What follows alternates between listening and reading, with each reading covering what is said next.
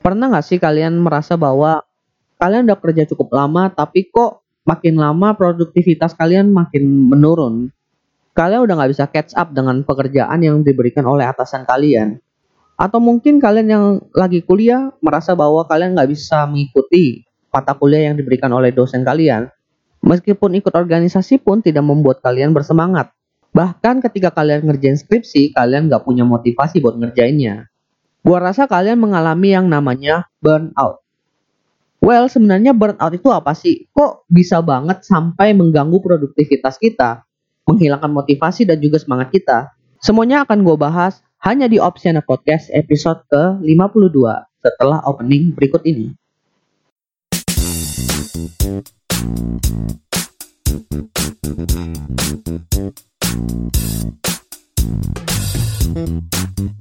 Halo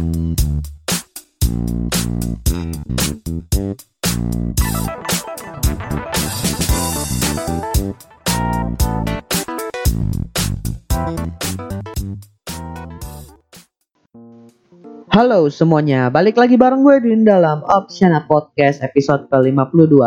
Di episode 52 kali ini gue mau bahas tentang sebuah istilah dalam dunia karir di mana istilah ini bisa dibilang berhubungan erat dengan kesehatan mental dan juga emosional dan juga fisik dari seseorang pekerja. Gue mau bahas tentang burnout. Waduh, kok istilahnya agak-agak ini ya menyeramkan gitu. Coba kita telah ah, apa sih sebenarnya burnout itu? Kalau dari katanya burn artinya bakar, out itu berarti keluar. Ya kalau disatuin jadi semacam terbakar habis.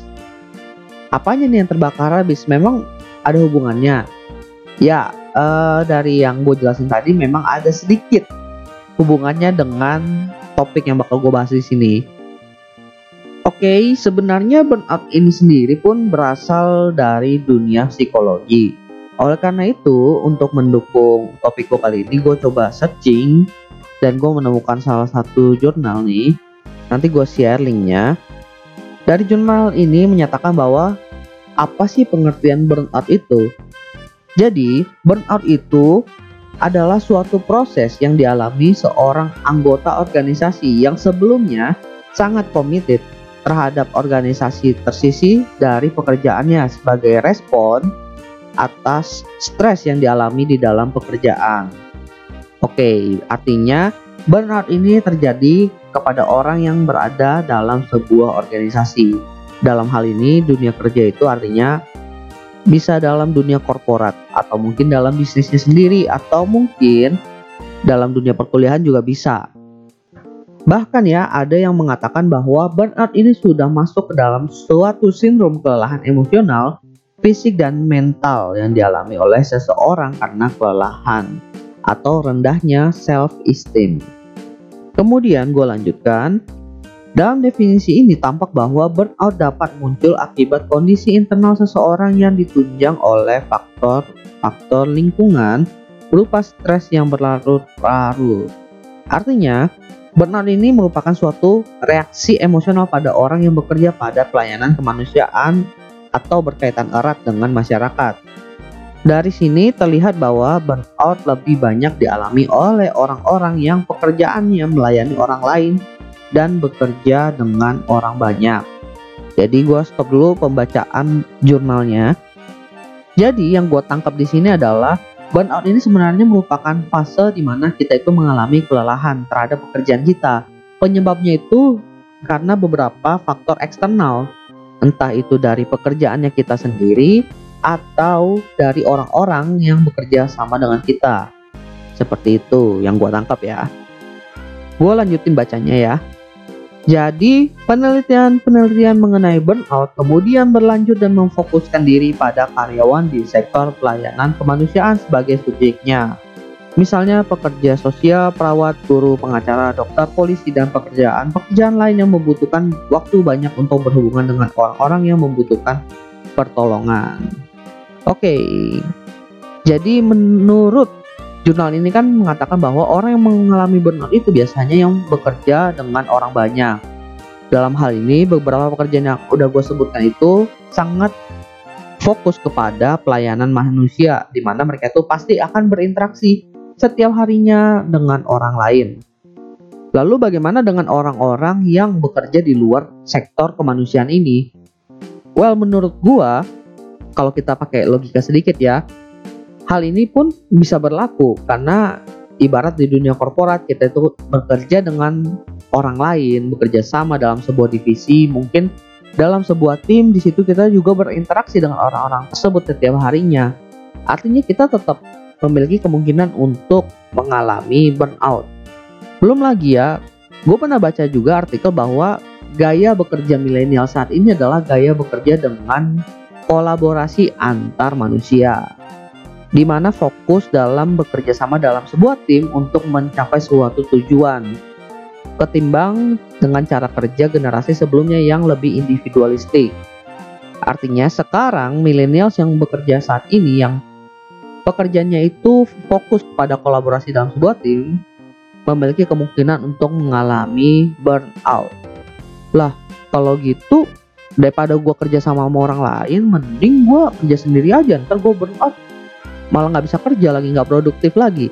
Nggak gitu men jadi itu cuma sebatas ya istilah ya atau penelitian orang-orang tapi bukan berarti kerja bersama dengan orang lain itu menyebabkan kita mengalami burnout cuma memang kebetulan aja orang-orang yang mengalami burnout itu adalah orang-orang yang berada dalam lingkungan kerja penuh dengan interaksi dengan sesama manusia itu kondisi yang ibarat general lah dialami oleh orang-orang yang mengalami burnout oleh karena itu biar nggak banyak yang salah sangka, gue coba cari juga nih, apa sih yang menyebabkan orang itu mengalami burnout? Masih dari jurnal yang sama yang gue pakai, beberapa penyebab terjadinya burnout adalah satu, stres, kedua, perkembangan karir yang terhambat, yang ketiga, work overload atau pekerjaan berlebih, dan yang keempat, persepsi ketidakberhasilan seseorang dalam sebuah pekerjaan.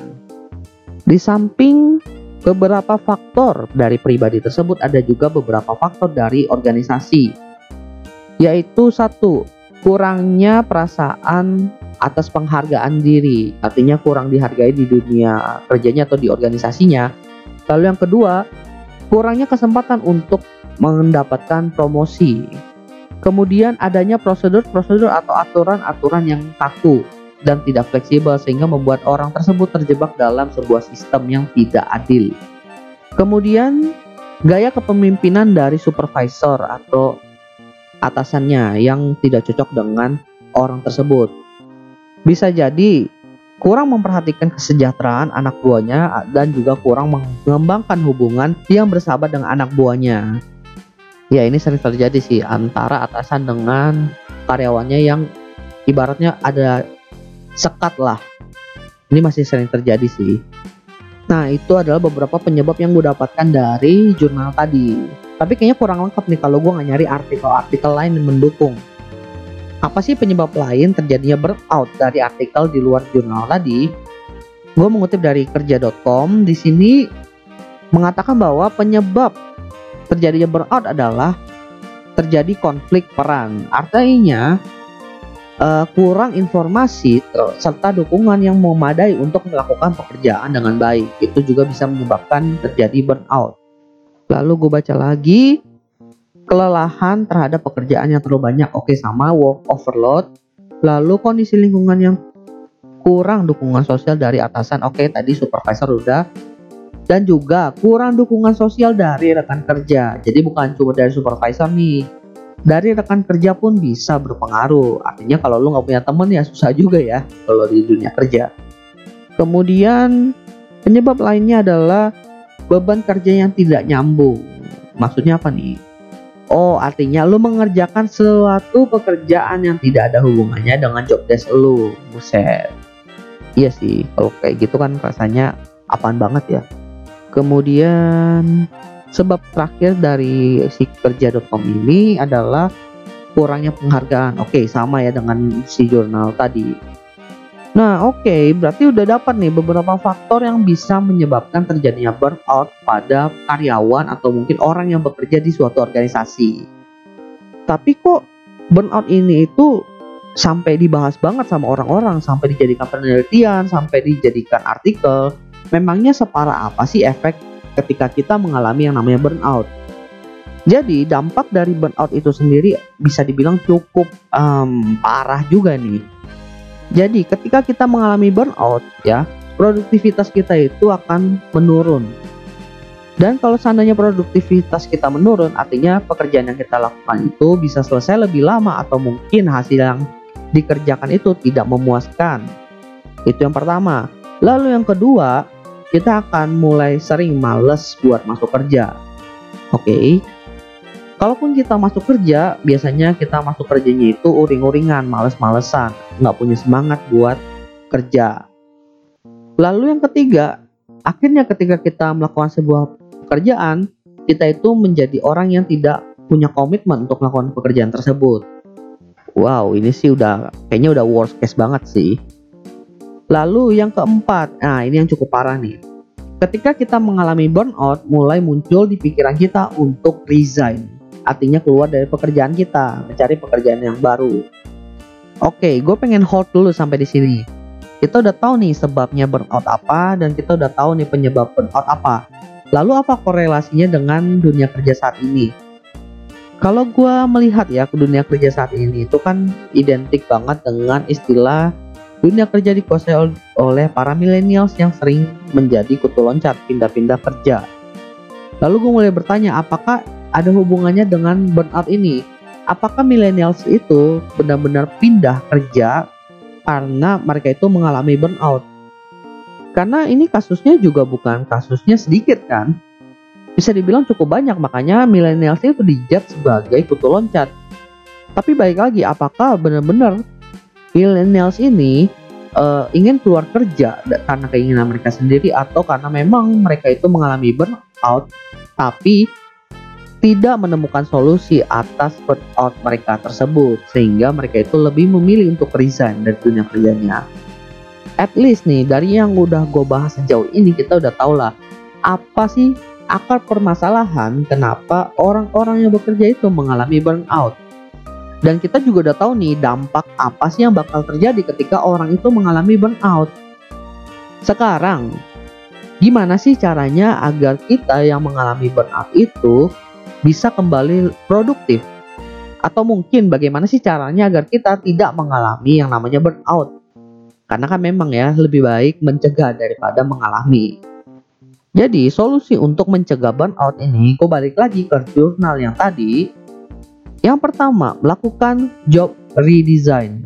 Artinya apa? Artinya para supervisor atau para atasan ini harus mulai merancang kembali pekerjaan yang ada agar tidak monoton, membosankan, dan menimbulkan kelelahan fisik maupun mental.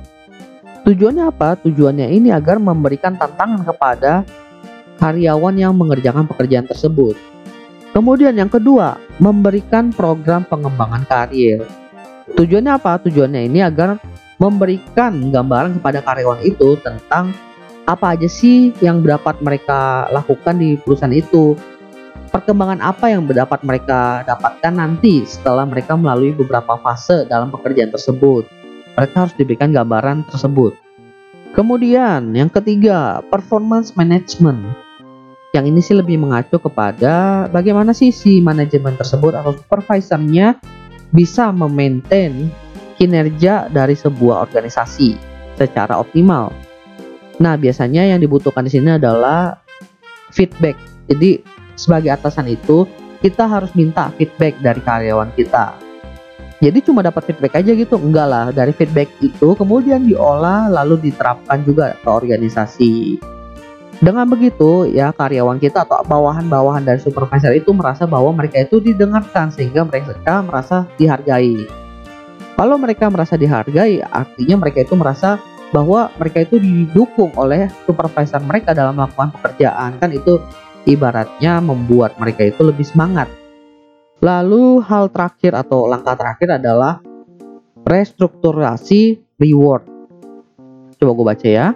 Hal ini dimaksudkan untuk menghargai karyawan sesuai dengan pengorbanan yang telah diberikan kepada organisasi atau pekerjaan atau perusahaan. Oke, yang gue tangkap dari pernyataan terakhir ini adalah memberikan penghargaan kepada karyawan yang bekerja sesuai dengan taraf mereka, taraf pekerjaan mereka. Artinya kalau mereka itu bekerja cukup keras ya berikan reward yang sesuai, yang setimpal. Oh oke okay lah. Jadi itu beberapa langkah dari jurnal yang gue baca nih. Lalu gue balik lagi ke artikel lain. Apa sih cara untuk mencegah kelelahan atau burnout ini? Yang pertama, realistis ketika menetapkan tugas. Artinya supervisor itu harus menetapkan secara jelas apa sih pekerjaan yang harus dikerjakan oleh bawahan mereka. Dengan begitu si karyawan atau bawahan itu bakal mengerjakan benar-benar sesuai dengan job desk mereka, nggak yang melenceng-melenceng. Lalu yang kedua, fleksibel. Memastikan bahwa setiap anggota tim itu atau bawahan itu berada dalam posisi yang membuat mereka itu bersemangat dan mereka itu merasa tidak dikekang. Oh, oke. Okay. Lalu yang ketiga, membiarkan bawahan memiliki proyek sampingan. Oke, ini adalah sebuah ide yang udah diimplementasikan ternyata oleh Google. Iya sih, gue memang dengar bahwa kalau lo kerja di Google itu si karyawan itu boleh punya proyek sendiri di mana nanti proyeknya itu kalau benar-benar oke okay, bisa dijadikan salah satu fitur di Google. Oke, okay, ini menarik sih. Lalu yang keempat, menerapkan waktu kerja yang wajar. Oh, artinya ketika orang itu pengen cuti, ya kasih aja cuti. Cuma memang harus benar-benar di, tetap dijatahin sih, nggak boleh terlalu fleksibel. Takutnya nanti mereka itu malah kebablasan. Tapi tetap harus menetapkan waktu kerja yang wajar. Mungkin dari jam kerjanya itu dari jam berapa sampai jam berapa, lalu setelahnya itu dihitung lembur. Nah, Mungkin kalau masalah jam kerja di Indonesia sih udah oke okay sih. Kemudian istirahat yang cukup. Oke, okay, kalau bicara soal istirahat pasti ini berhubungan dengan kelelahan fisik yang dialami oleh seseorang. Ini ada sedikit tips buat supervisor mungkin lebih mendorong anggota tim itu bisa memanfaatkan waktu makan siang mereka itu secara penuh. Jadi ada jam istirahat, benar-benar istirahat lah jangan lanjutin kerja. Dan diingatkan kepada bawahan mereka itu untuk ya sekali-kali beristirahat gak usah diforsir kerja terus. Ini juga membantu supervisor itu bisa lebih dekat dengan karyawan dan karyawan itu merasa diperhatikan oleh si supervisor. Lalu yang selanjutnya memastikan memiliki deskripsi pekerjaan yang spesifik tadi udah dijelaskan Lalu yang sembilan, penghargaan. Oke, sama dengan jurnal tadi. Jadi diberikan penghargaan atas kontribusi karyawan terhadap perusahaan. Lalu yang terakhir mengenali rasa frustasi yang dialami oleh karyawan. Waduh, yang ini artinya supervisor itu harus peka terhadap bawahan mereka. Apakah ada masalah yang dialami oleh mereka? Apakah ada problem yang membuat kinerja mereka itu menurun?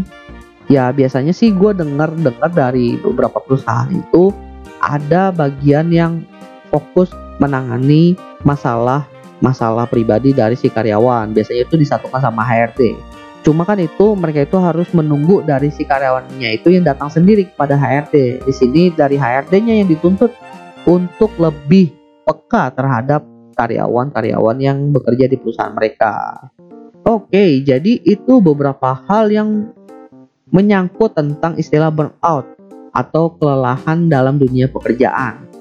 Jadi yang gue tangkap dari pembahasan gue sejauh ini adalah burnout itu adalah sebuah kondisi di mana kita itu mengalami kelelahan mental, benar-benar mental sih ini. Yang karena mental ini kemudian nyamber lagi ke fisik, nyamber lagi ke pikiran emosional kita. Dan menurut gua ketika kita mengalami burnout ini udah nggak boleh didiemin aja gitu. Karena semakin didiemin malah semakin merembet ke mana-mana.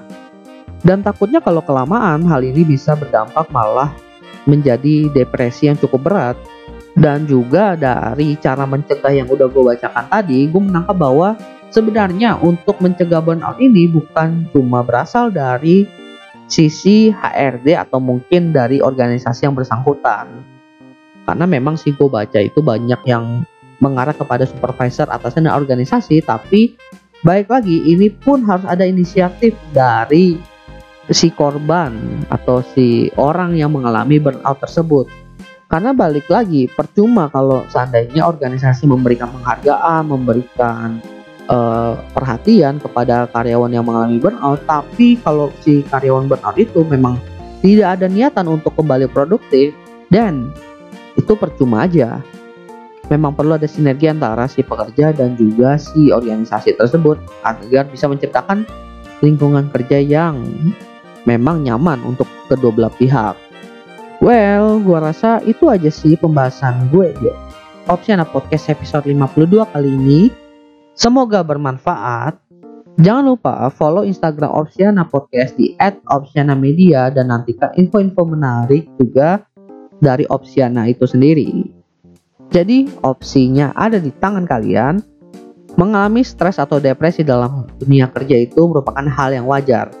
Namun hal ini menjadi tidak wajar ketika stres dan depresi ini malah berkepanjangan dan tidak diselesaikan sehingga menciptakan dampak-dampak lain ke dalam kesehatan orang yang mengalaminya. Oleh karena itu, pekalah terhadap diri sendiri dan juga Segera selesaikan masalah yang dialami oleh diri kita sendiri sehingga kita terbebas dari stres dan juga depresi. Dalam hal ini, burnout. Sekian dari gue Edwin Opsiana Podcast. Thank you.